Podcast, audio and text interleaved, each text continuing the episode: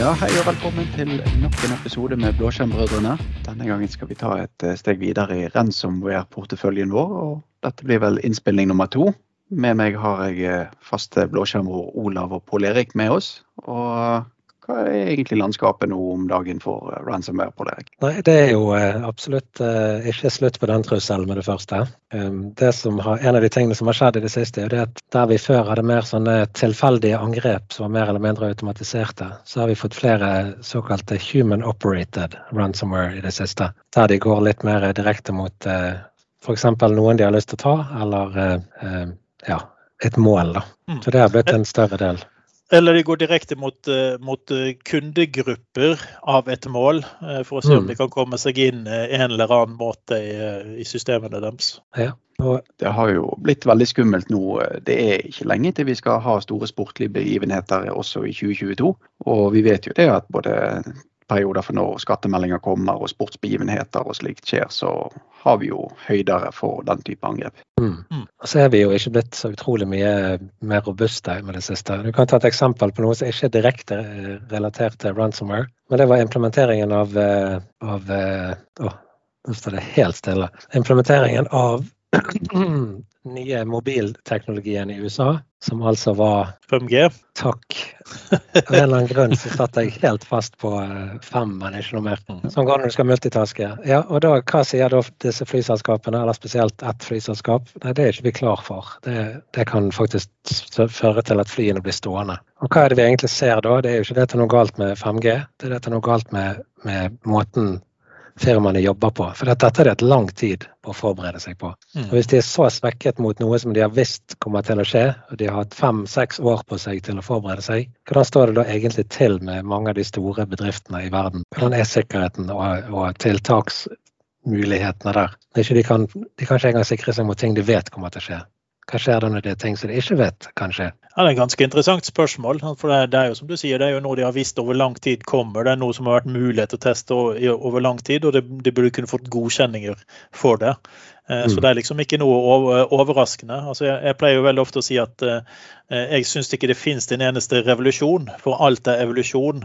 En mm. revolusjon det er hvis du lukker øynene og går glipp av utviklingen som skjer, og så når du åpner øynene, så føler du at det har foregått en revolusjon. Mm. Og det virker jo nesten som de har gjort det her. altså De har bare tenkt at her kommer det noe. og vi behøver ikke å tenke på det ennå, og så plutselig er det for seint. Mm. Og hvordan, er det, hvordan står det til der ute i verden? Jeg tror, jeg tror norske bedrifter ligger langt foran i, på veldig mye. Men hvis ikke vi er beskyttet mot ting, f.eks. ransomware, så kan det gå utover så utrolig mye annet. Ja, det ene er at flyene kan bli stående.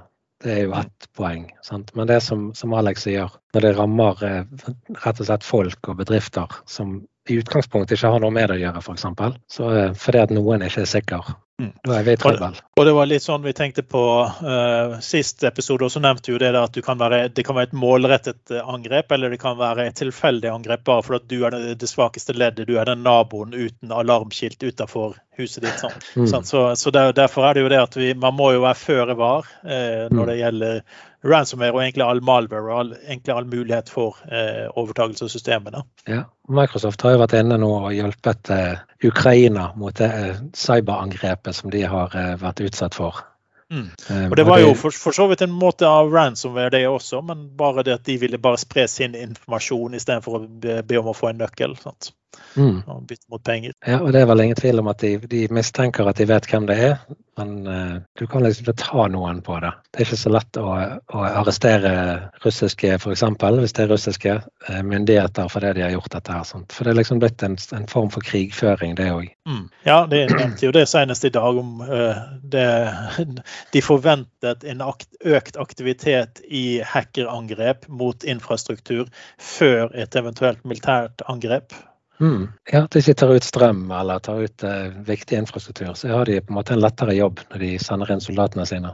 Mm. Og det motiverer både innbyggere og forsvarsstyrken. Mm, absolutt. Og her kommer jo det sånn, litt sånn varsku. For det at du trenger ikke nødvendigvis å være målet hvis din PC eller Xbox eller PlayStation eller Android-telefon blir hacket men den kan være med på å tri triangulere på det som skal bli angrepet. Mm. Så du har jo gjerne hørt om historier eller vært med på, på angrep der de, de serverne du har stående og snurrende upatchet i et serverrom, har bidratt til å sende ut spam. Dette kan jo skje videre nå, enten til å være med til å finansiere fremtidige angrep, eller i verste fall faktisk være med på selve angrepet. Men du er altså teknisk sett ikke ramme. Og det, dette her kommer egentlig litt inn på, for at uh, I denne episoden skal vi prøve å komme med noen gode råd på hvordan du skal forsvare deg. Uh, og akkurat dette gikk inn på en del av de tingene jeg hadde tenkt å snakke om. da. Uh, og Det er det om sikre nett. vi ser jo det at veldig mange mener at de har lukkede systemer som brukes f.eks. til transaksjoner eller noe som foregår kun internt i bygget. Og så tenker de det er et sikre, sikkert nett, så de kjører på upatchede OS-er. Eh, for det er ikke så farlig, de har ikke internettforbindelse og de snakker ikke med utverden. Men realiteten er jo at de, de desidert fleste av disse sikre nettene de er avhengige av å kommunisere med et eller annet annet system. Eh, og hvis det systemet da igjen går ut, så kan det være det som er overtatt. For det, mm. eh, Ransomware, for, som eksempelet vårt vi har brukt nå, det er jo eh, vi, har, vi, har, tradisjonelt vært vant til at ransomware skjer med at en klient gjør noe dumt. Så han sitter på en PC som kanskje ikke er patchet opp, og gjør noe dumt. Eh, men når vi så Log4j, så så vi jo faktisk at det ble en mekanisme for å levere ransomware-pakker rundt omkring. Sånn, så plutselig er det serverne våre som faktisk kan være infisert med ransomware og spre det til klientene, eller ødelegge alle klientene våre er perfekt. Ingen eh, får ransomware på seg fordi vi har beskyttet det godt nok. Men alle serverne hvor dataene ligger cashet for brukerne, blir eh, ransomware-behandlet. Sånn, så det kan, gå motsatt vei. Så vi må tenke på det at lukkede systemer er sjelden så lukkede de skal være. Så hvis, hvis ikke du kan patche og vedlikeholde det, så bør du faktisk bytte det ut uansett hvor lukket det er. for at du har har behov for sikkerheten i alle systemer. Mm. Eh, og ikke minst sikre serverne dine på lik måte som alt annet. Ja, jeg har vært inn i diskusjonen din om lag og nivåer, og kanskje vi må begynne å si også i bredder.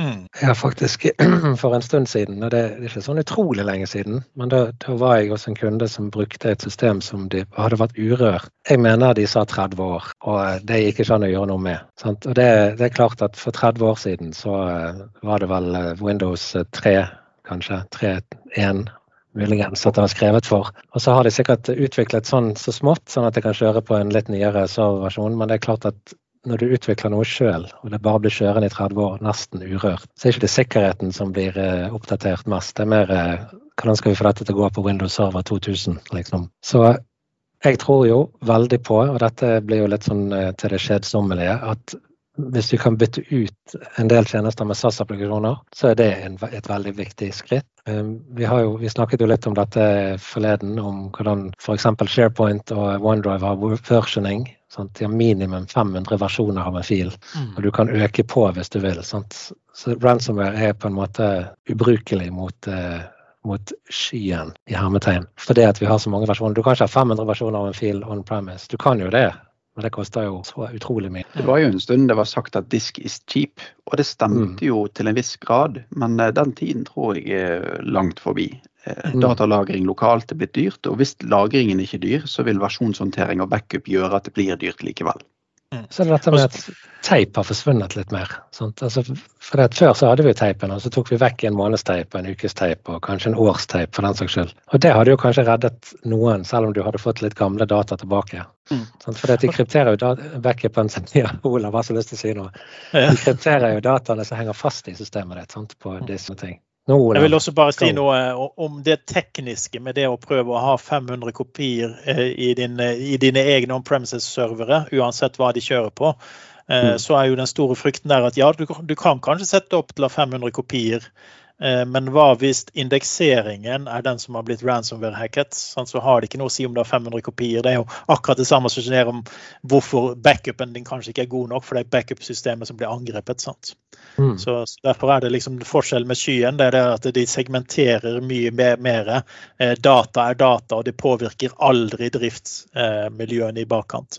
Mm. Det, det er riktig som du sier. Man tenker gjerne det at skytjenester som f.eks. OneDrive SharePoint Online og Exchange Online er kostbart. Men hvis du tenker på den ekstrakostnaden du må ha for å ha prosessorkraft og minne nok til å kjøre alle disse versjonssorteringer, backup og gjerne redundante systemer i datamiljøet ditt, samtidig som det skal være i produksjon, mm. så skal du skalere opp til å ha ganske mye tilgjengelig kapasitet som du egentlig ikke bruker til produksjon. Men, men du som er ute i konsulentfeltet, du ser vel kanskje hvordan det har gått med altså Er det mange som bruker offline backup? Er det mer, eh, eller er det uvanlig? Etter min smak så er det altfor sjeldent. Det er blitt veldig populært å ha backup-storagen tilgjengelig 24-7 fra backup-serveren, sånn at den blir tatt med i samme jafs. Mm. Men eh, klart det er også å ha en eh, offline, at du connecter ned backupen din mot en sky-storage, eller at du faktisk eh, går aktivt inn og kobler til en USB-disk eller tape-storage eller noe sånt, og gjør en fysisk handling. Det gjør noe med resiliensen din mot uh, Melbury-angrep. Men igjen, det spørs jo hva du blir tatt for angrep. Da. Og alt har en kostnad. Så, så, vil jeg også utfordre et backup-leverandøren din. For jeg ser veldig mange backup-leverandører sier at eh, vi er ransomware-sikre, eller noe i den duren. da. Eh, og mm. Da vil jeg utfordre dem med å finne ut ja, hvorfor er du det, hva krever det for at vi skal bli det, hvilken regelsett må vi ha for at det skal være ransomware-sikkert. da, For det vi vet er jo at Hvis domenekontrollene dine blir tatt, og backupen ligger på noe som er styrt av domenekontrollere, så må du også gå ut fra at backupen din også er tatt. Så, så hva er mekanismene de har for å sørge for at du kan ta ristore dette hvis alt har gått ned? Mm. Og ikke minst, en av de viktigste tingene er jo å sørge for at man har en diskusjon med disse leverandørene om å teste backupen. Kjøre en ris til et eh, mock-up-miljø med ujevne mellomrom.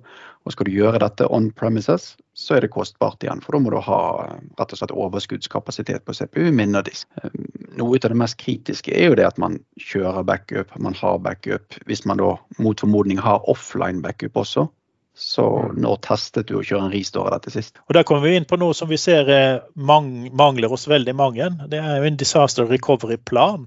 Det var veldig i vinden når vi går tilbake 10-15 år siden å ha en disaster recovery-plan, men da tenkte man mer naturlige ting. Hva skjedde hvis det ble oversvømmelse så serverne dine var nede? Hva skjedde hvis det var brann i bygget? Eh, og den planen bør man jo da ha tatt videre til moderne tider. Hva skjer hvis dataen din ikke er tilgjengelig? Hvordan tar vi restore av dataen? Hvem skal vi kontakte hvis ikke restore virker? Altså, man må ha dette systematisk hvis man skal ha sjanse med å komme seg raskt tilbake igjen. Sånn som du så med, med, med Amedia nå som var eh, rammet nå i julen, så så vi jo det at eh, det tok tid å komme tilbake igjen. Eh, mm. Om det gikk så fort som det gikk, eller så sakte som det gikk, avhengig av planen, det, det, vet vi egentlig ingenting om. Men vi vet i hvert fall at hvis ikke du har en plan, så kommer folk til å løpe rundt som hodeløse høns og prøve å finne ut noe som kan gjøre at dette går bedre. Og kanskje har de flaks, kanskje går det bra første gangen. Eh, men mest sannsynligvis så vil ikke du klare det uten en strategi å finne ut hvordan du skal sette dette opp igjen. Mm. Og leverandører som f.eks. skal vi nevne litt navn, skal vi si Veeam, så har jo de en såkalt immutable backup som er ransomware trygg. Men hva det innebærer, det har jeg ikke satt meg inn i. Men jeg, jeg tror nok òg det er noe å vurdere. Altså endre fra det som du sier, legacy backup, til noe som ja, lover deg trygghet mot ransomware. Da, og har muligheten til å gjenopprette ganske kjapt. Mm. Og ikke minst, historikken, for som vi snakket om i første del, så vet vi jo ikke når de kom inn. Og vi så jo at en ristorm Eh, tas eh, av media, hadde jo det at hver eneste eh, ristår måtte faktisk skannes, sjekkes og så settes i produksjon. Og det måtte du gjøre på hvert eneste ledd, for du visste ikke helt hvor det var det begynte. sant?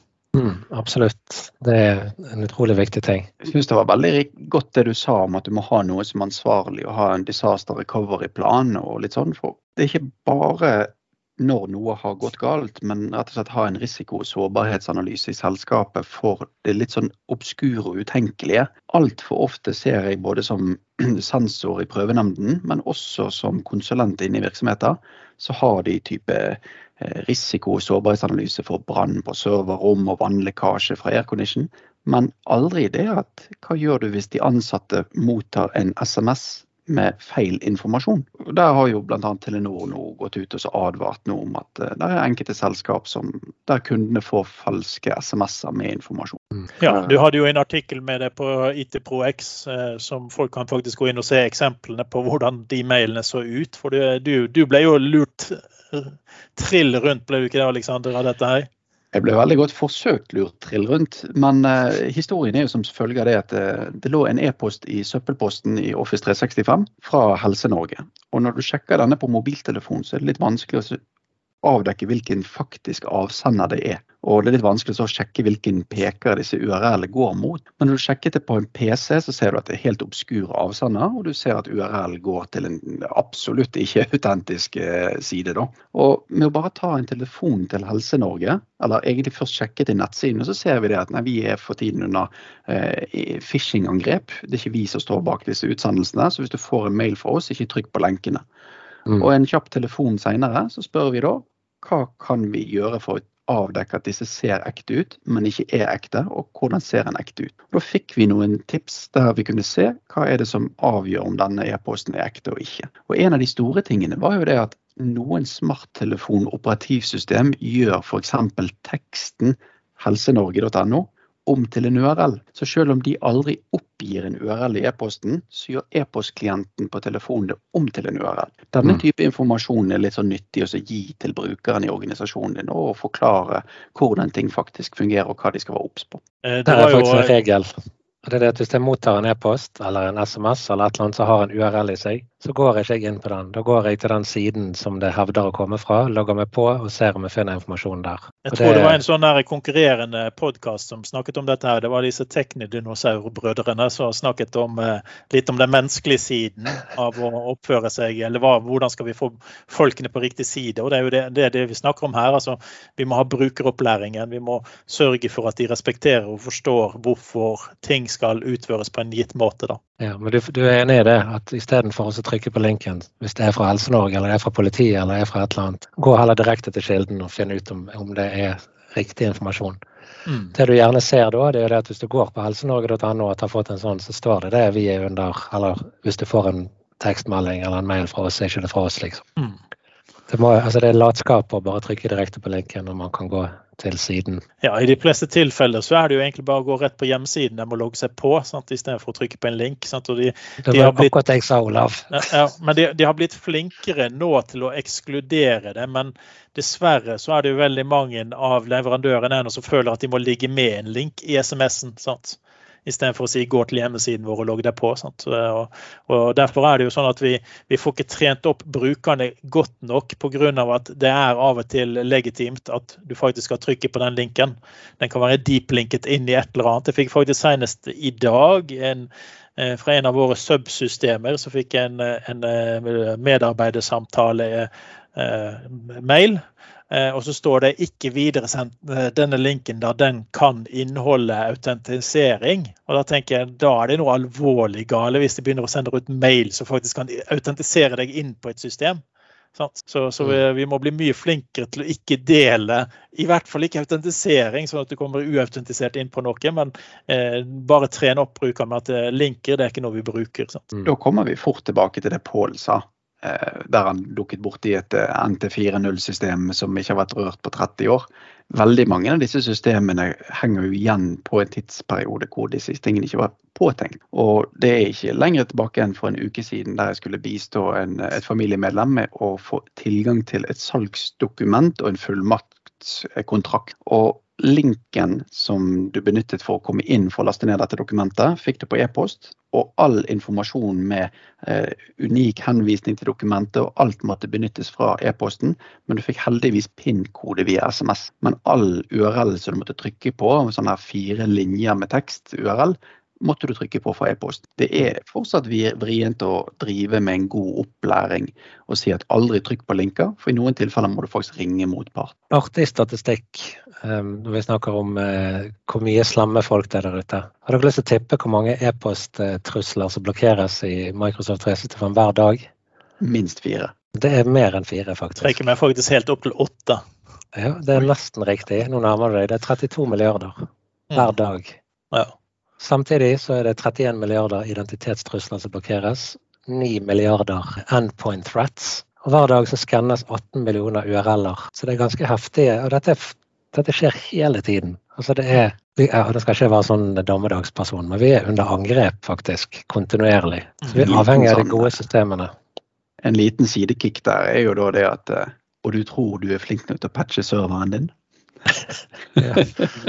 men, men, jeg tror vi kommer over til det punktet der vi sier hvordan skal vi beskytte oss mot ransomware. Så kan vi gå litt på den der assume breach-tankegangen. Eh, la oss si at du blir truffet av ransomware, og se heller hva gjør jeg da. Sånn, for én ting er beskyttelsen, den kan vi jobbe med, og det er masse vi kan gjøre. Men tenk òg litt på det som vi snakket om tidligere med backup og restore. Sant? For mm. det, kan skje faktisk med jeg skal ikke si hvem som helst, men det kan skje med veldig mange.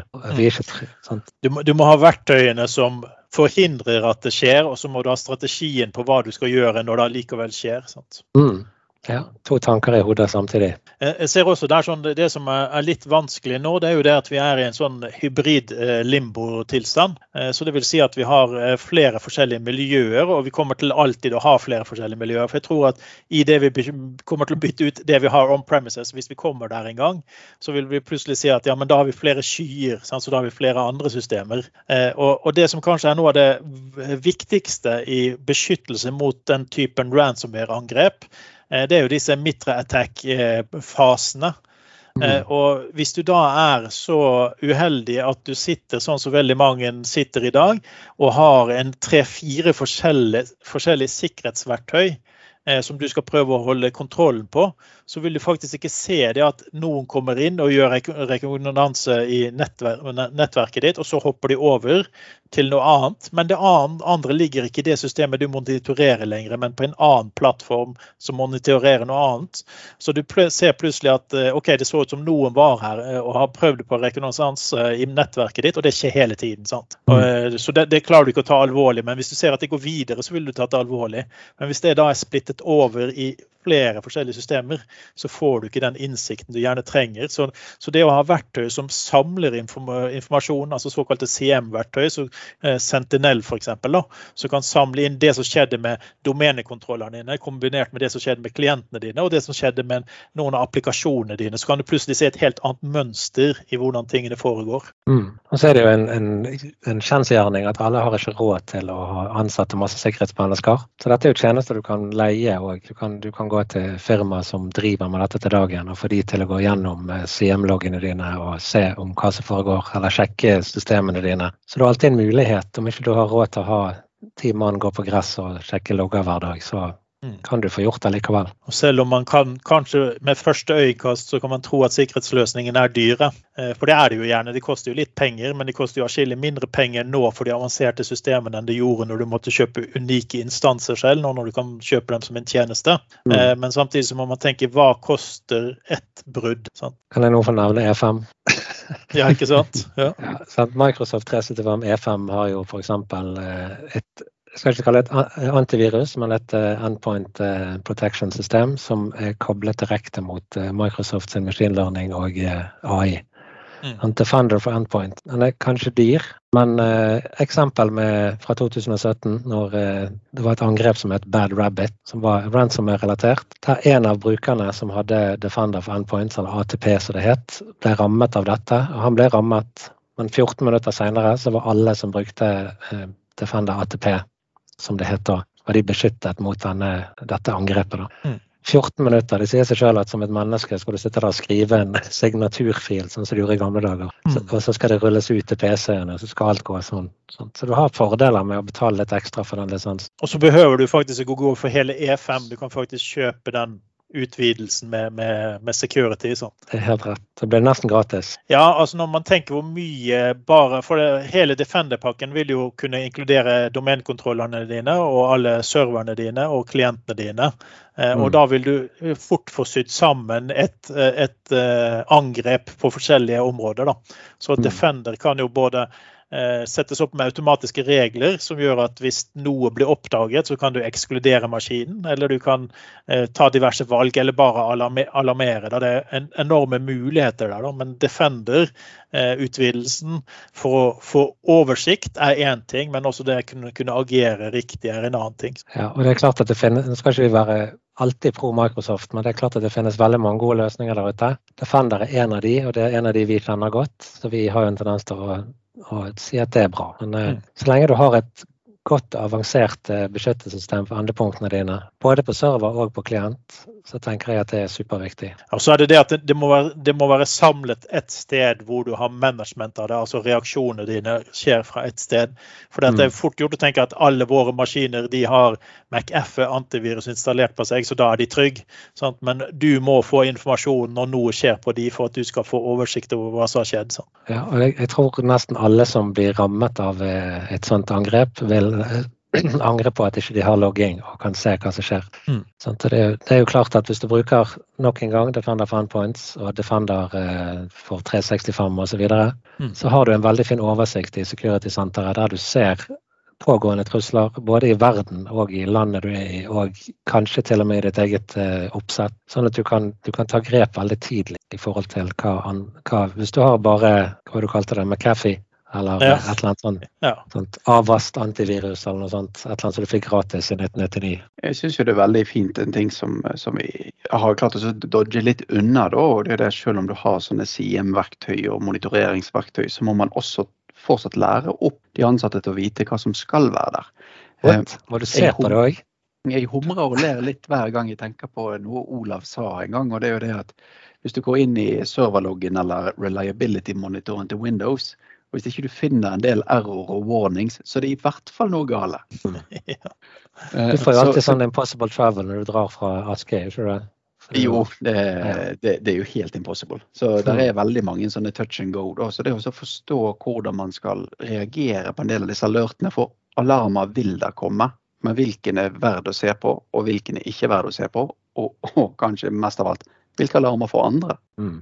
Men der, der, kommer du jo faktisk inn på et veldig annet viktig poeng hvem ser på dette? Eh, har bedriften din en mann som faktisk går inn og sjekker disse eh, verktøyene og dashboardene og ser på alertene? Eh, jeg kan bare ta som et eksempel i min verden, hvor jeg gikk i et halvt år og fikk en alert på en SQL-database. Jeg så at det ikke var noe spesielt alvorlig. Men, men, men mitt, mitt, første spørsmål og eneste spørsmål til å begynne med var liksom hvem i all verden har slått på dette her, for det var ikke meg. Og så ignorerte jeg da alarmen. Så det var ikke jeg som hadde slått det på. Så jeg gjorde regning med at de som har slått det på, tar og overvåker systemene sine selv. sånn at det var det som var det som skjedde. Men etter et halvt år med ukentlige alarmer, så gikk jeg inn og, og tok over og begynte å fikse da det som var problemet. Så vi, noen må kunne ta ansvar. Man må ha bevisstgjøring med hva er de forskjellige folkene sitt ansvar, og så må man faktisk aktivt gå inn og så sjekke dette her hele tiden. Sant? Ja, det er noe med det. Altså, du kan sette opp de fineste sikkerhetsløsningene i verden, men hvis ingen passer på de, så er de jo ikke så nyttige. Nei. det er klart, En del skjer jo, som jeg sa her, en del av dette går jo automatisk. En del av beskyttelsen vi får med disse systemene går automatisk. Men hvis du bruker, eh, hvis du sier at du har brukt Defender for Cloud Apps, eller Cloud Up Security, som det pleier å hete, så er det jo helt unyttig hvis ikke du bruker det aktivt. Mm. F.eks.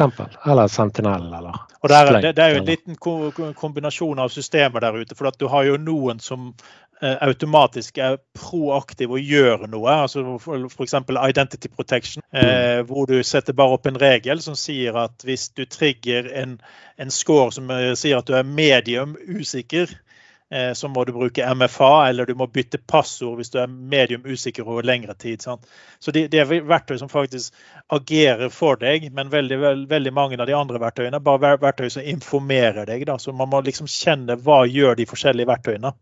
Mm, absolutt. Men eh, vi skal jo ha enda en episode om ransomware, så eh, vi, i dag blir jo ikke den lengste. Men skal vi prøve å oppsummere litt uh, tipsene, tipsene og triksene? Jeg vil jo legge inn litt på dette med endpoint, altså beskytte endepunktene med Defender for endpoints eller lignende funksjonalitet, mm. som jeg syns er viktig. Jeg ville kanskje sagt uh, oppdatere ROS- og sårbarhetsanalysene til å treffe på de tingene som er helt utenkelig at skal oppstå.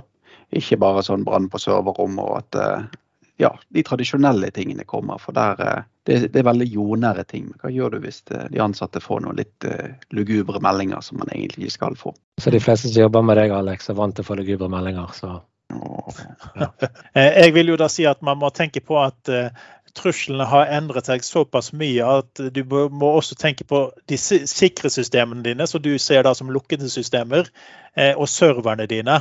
Eh, for at serverne dine er gjerne en, en stepping stone til å komme inn bak veien og gjøre gale ting. Eh, og mm. veldig mange har gammel tankegang med servere. De tenker at vi slår av firewallen på alle serverne våre fordi de ligger på et beskyttet nettverk som har mer avanserte firewaller som eh, overvåker veien inn. Eh, men mm. det nytter jo ikke det hvis det er noe først som har kommet seg på innsiden. Sant?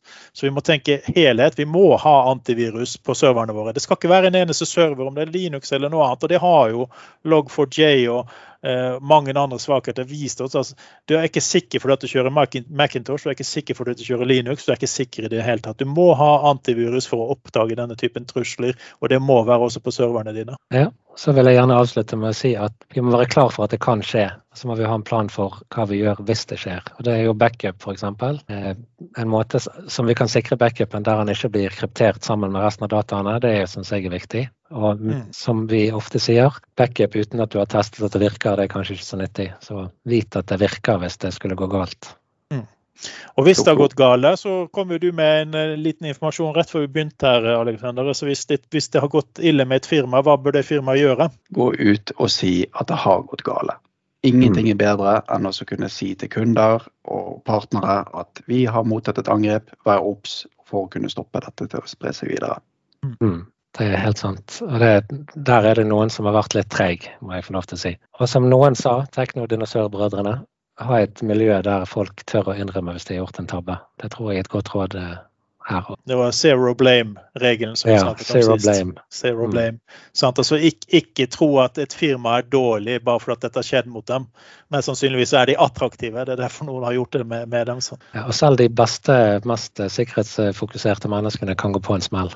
Mm. mm. Jeg får håpe at det har vært noen gode råd som eh, kan tas med videre. Og ikke minst eh, når vi kommer tilbake igjen med en, eh, litt senere med en videreføring av mer ransomware og malware, som vi kanskje går flyter litt mer over hverandre etter hvert. Mm, det er et godt tips. Da får vi runde av og si takk for denne gang. Takk for nå. Takk for nå.